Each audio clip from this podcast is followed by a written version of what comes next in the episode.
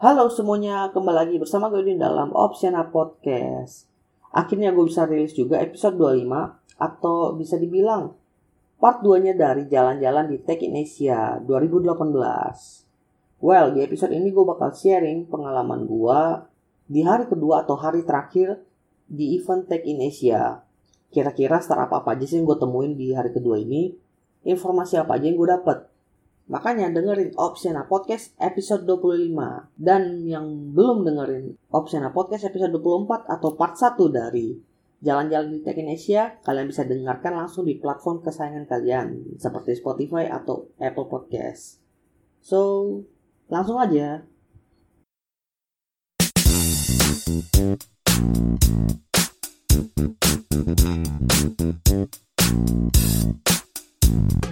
Halo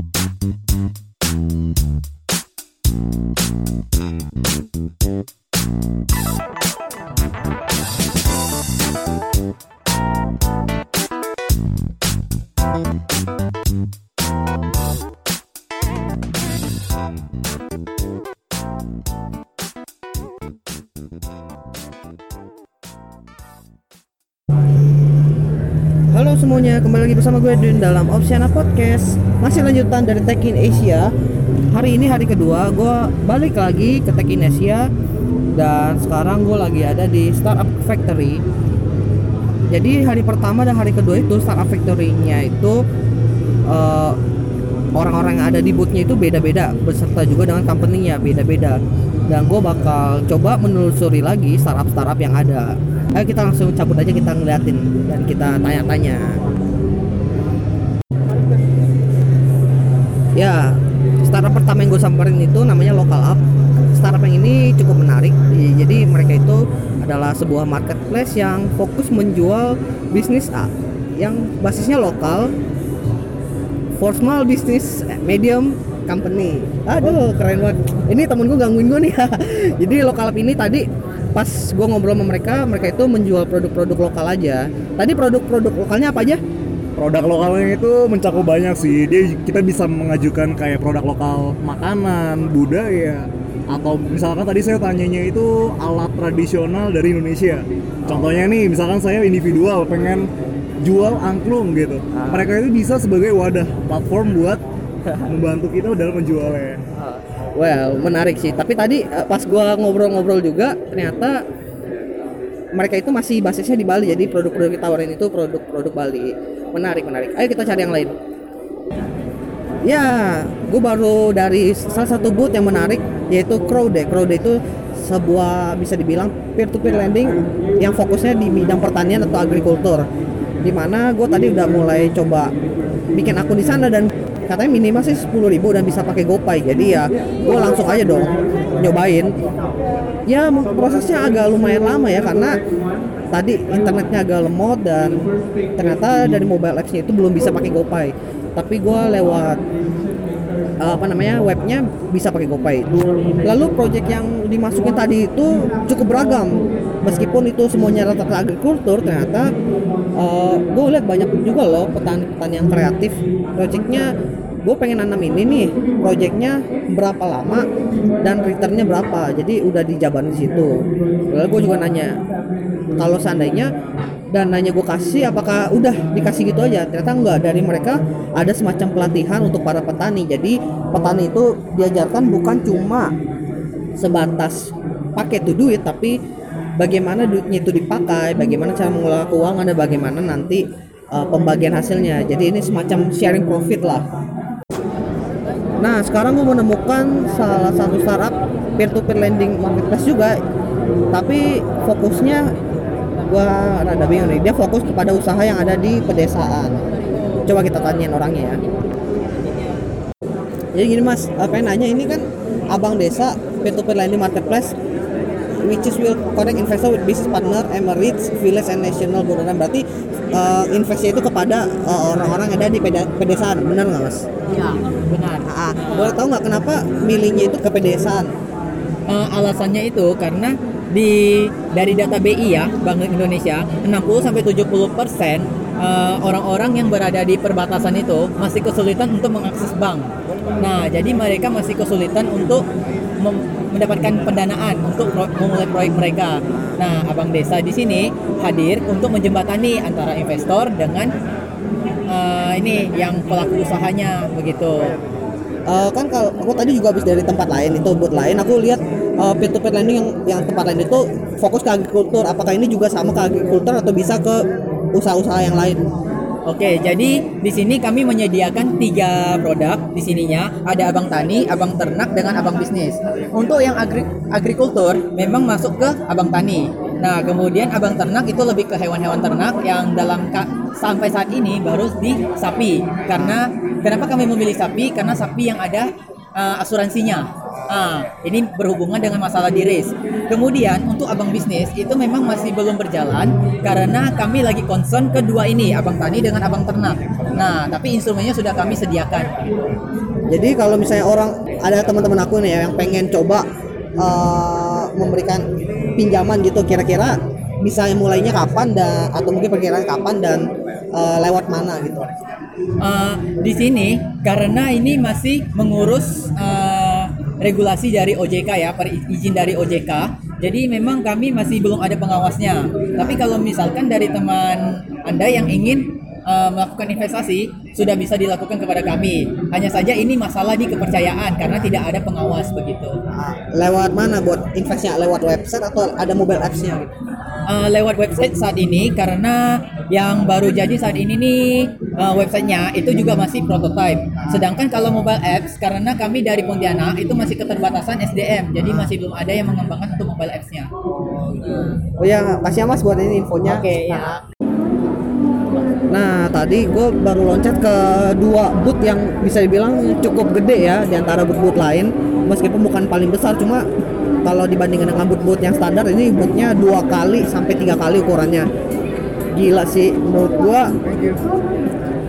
eh boot-boot yang ini menarik ya karena yang pertama itu adalah Alibaba Cloud. Jadi kalau misalnya kalian mau pasang hostingan ya di Alibaba Cloud itu karena dia katanya punya server di Indonesia dan banyak fintech fintech startup yang kalau mau bergerak di Indonesia mereka harus pasang aplikasi mereka dengan server yang berada di Indonesia dan Alibaba Cloud itu ada di Indonesia makanya klien mereka itu katanya banyak kan fintech juga tadi gue habis ngobrol dengan Stick Earn Stick Earn itu semacam pemasangan iklan di mobil kalau kalian mau pasang iklan di mobil-mobil seperti itu, kalian bisa lewat stick earn dan bayarannya itu hitungannya per mobil dalam jangka waktu satu bulan. Nah, menarik sih karena bisa dibilang itu fokusnya kepada iklan yang berjalan. Jadi iklan kalian bukan ditempatin satu tempat tapi jalan-jalan terus karena tergantung eh, perjalanan drivernya sih. Tapi kalau Grab kan pasti jalan terus ya.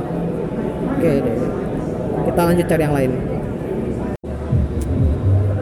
ya tadi keliling lagi dapat gua salah satu software as service startup Eh, dia itu lebih kepada fokusnya ngirim-ngirim semacam email marketing namanya mail target nah yang menarik adalah pas dia demoin ke gua itu dia itu bisa bikin landing page. Jadi kalau lu punya barang misalnya jualan di Tokopedia dan lu belum punya website lu bisa bikin semacam landing page. Itu menarik banget sih buat gua yang notabene rata-rata mulai jualan itu di Tokopedia.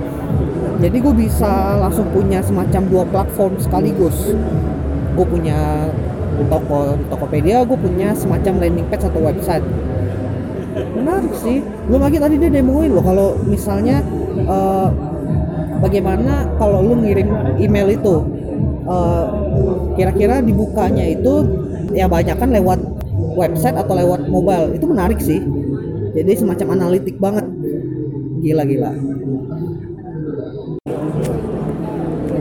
Lanjut lagi sekarang gue ketemu salah satu startup yang fokusnya dalam pengolahan sampah atau bisa dibilang waste management. Namanya sampah muda. Coba kita tanya-tanya deh ya jadi gini mas ini kan sampah muda jadi maksudnya boleh nggak jelasin sampah muda itu ngapain mas Jadi kita eh, platform pengelolaan sampah. Kita hubungin antara penimbul sampah masyarakat, terus waste collector itu dari bank sampah atau pengepul dan recycling industry. boleh tau nggak ini apa namanya eh, sekarang itu bergeraknya di daerah mana aja ini mas Jadi kita basisnya ada di Kota Semarang. oh kota Semarang Ah, basis operasionalnya ada di Kota Semarang. Cuman kita ada layanan drop drop point itu ada di 40 titik itu tersebar di seluruh Indonesia. Ah, eh, di daerah Tangerang Tangerang atau Jakarta udah ada Kalau Jakarta sama saat ini belum ada ya. Masih belum ada. Terus kalau terus ya tadi kalau yang di Semarang itu kita bisa penjemputan. Tapi kalau yang di kota lain tadi bisanya cuma untuk drop. oh ngedrop yang di drop eh, sampahnya gitu nanti tinggal diambil atau gimana Nah, yang di drop sampah dan sampahnya itu cuma sampah recyclables atau sampah anorganik yang bisa didaur ulang. Terus orang yang udah setor sampah itu tadi bakal dapat reward berupa trash point atau points. Nah, ya misalnya kan kayak di kampus aku itu mas ada bank sampah tapi dari mahasiswa gitu itu bisa nggak ikut dari sampah apa ngumpulin sampahnya ke sampah muda gitu bisa. Jadi kalau dari eh, kita ada sistem untuk bank sampah itu bisa bantu untuk manajemen bank sampah. Jadi mulai pengelolaan nasabah, pengelolaan transaksi dan keuangan serta sampahnya, pengelolaan data sampahnya itu bisa banget untuk dipakai. Terus juga apa namanya em, dari kita software itu gratis.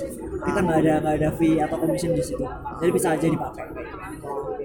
Terus sih mas itu itu aja yang nanya makasih mas infonya Ah, boleh minta ini mas eh, kartu nama atau brosur gitu ya gua tadi muter-muter lagi gua ketemu namanya Spotgo. Jadi itu buat corporate ya jadi ketika kalian mau buat event atau kalian mau cari tempat buat workshop dan juga buat meeting kalian bisa pakai Spotgo. Katanya sih kalau itu karena fokusnya gue lihat ya buat company. Jadi fok eh, mungkin harganya itu juga cukup gede ya tapi boleh lah dicoba kalau misalnya kalian kerja di kantor lalu kantor kalian itu lagi nyari tempat yang murah tapi cepat bisa coba di spotku. Tadi gua ngobrol gitu bisa katanya bisa diskon sampai 30%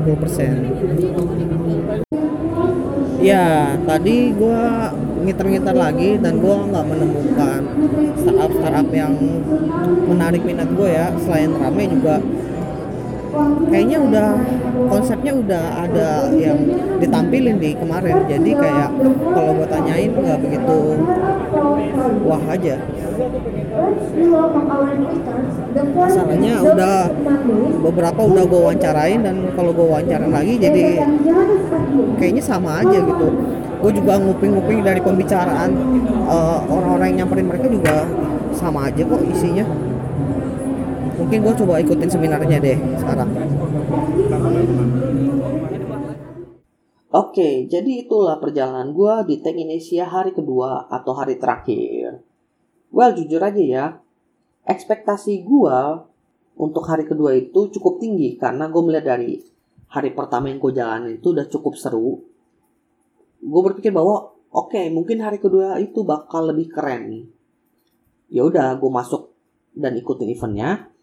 Gue ngelihat boot-boot yang ada rata-rata itu udah beda semua startupnya itu bisa dibilang hampir semuanya beda. Adalah beberapa yang sama, tapi rata-rata udah ganti semua udah beda.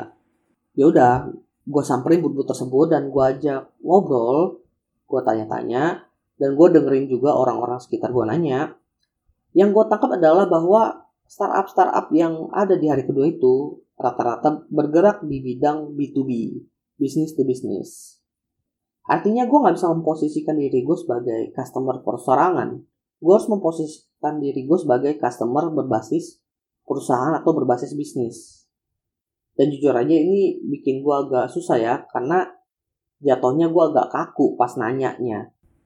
Karena gue memposisikan diri gue sebagai customer berbasis usaha, artinya patokan gue itu ya pasti usaha gue. Makanya mungkin ketika kalian dengerin podcast gue tadi, kalian bisa sedikit merasakan bahwa itu sedikit subjektif. Dan itu juga suasananya, kondisinya itu juga agak sedikit tegang pas ngobrol. Orang-orang sekitar gue juga dengernya gitu, wah melotot matanya. gue ya ikut aja. Adalah beberapa orang yang juga perwakilan dari perusahaannya, ngobrolnya juga nyambung, enak. Kalau yang kayak gue atau orang-orang sekitar gue yang memposisikan dirinya sebagai customer persorangan ya cuma bisa dengerin aja. Bingung mau nanya apa. Makanya gue coba cabut. Gue nyari lagi startup startup yang masih bergerak di bidang B2C makanya gue kayak ketemu kayak abang desa lalu sampah muda. Sebenarnya ada beberapa lagi sih cuma gue nggak sempat nanya karena rame banget bisa dibilang hari kedua itu startup startupnya itu konsepnya tadi satu B2B fokusnya ke perusahaan. Dan yang untuk B2C rata-rata nggak jauh beda dengan startup di hari pertama. Adalah beberapa yang unik. Lalu beberapa lainnya itu pas gue samperin gue dengerin obrolan orangnya ternyata wah ini udah ada nih konsepnya di hari kemarin. Udah gue ajak ngobrol juga. Ya udahlah gue cabut lagi nyari yang lain. Makanya gue kayak merasa agak berat juga mencari topik obrolan dan juga pembahasan yang baru dari Tech Indonesia di hari kedua ini. Makanya gue mencoba beralih ke seminar. Dan pas gue ikut seminar itu sumpah banget. Seperti hari pertama gue juga ikut seminar. Itu sumpah banget cuma bedanya hari pertama gue dapet tempat duduk hari kedua gue nggak dapet tempat duduk gue berdiri di belakang. Udah gitu masih banyak suara-suara yang bikin gue nggak bisa konsen. Dan itu bikin nggak nyaman banget. Makanya pas seminarnya mulai gue coba storyin lalu gue perhatiin kok nggak ada yang masuk kuping ya ini ngomong apa orangnya? Ya udah langsung gue cabut aja. Habis itu gue nungguin temen gue lalu gue balik. Dan ekspektasi gue di hari kedua itu ya nggak begitu tercapai lah kurang maksimal. Tapi setidaknya gue mendapatkan info-info baru atau startup-startup baru yang bisa dibilang kece-kece dan keren-keren. Gue berharap ya di Tech Indonesia tahun depan nanti Semoga startup-startup yang ikut Startup Factory itu bisa lebih keren daripada Startup Factory tahun ini.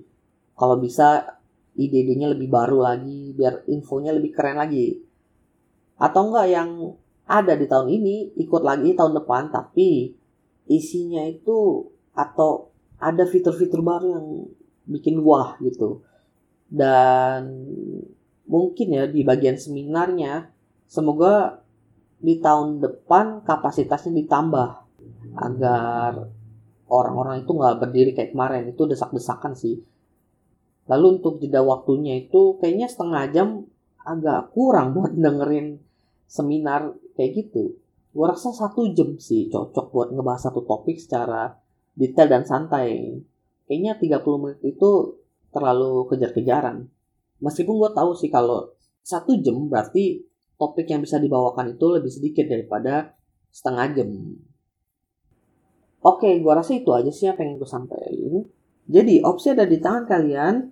Banyak orang yang saat ini berjuang untuk mencapai kesuksesan atau mendapatkan hidup yang lebih baik.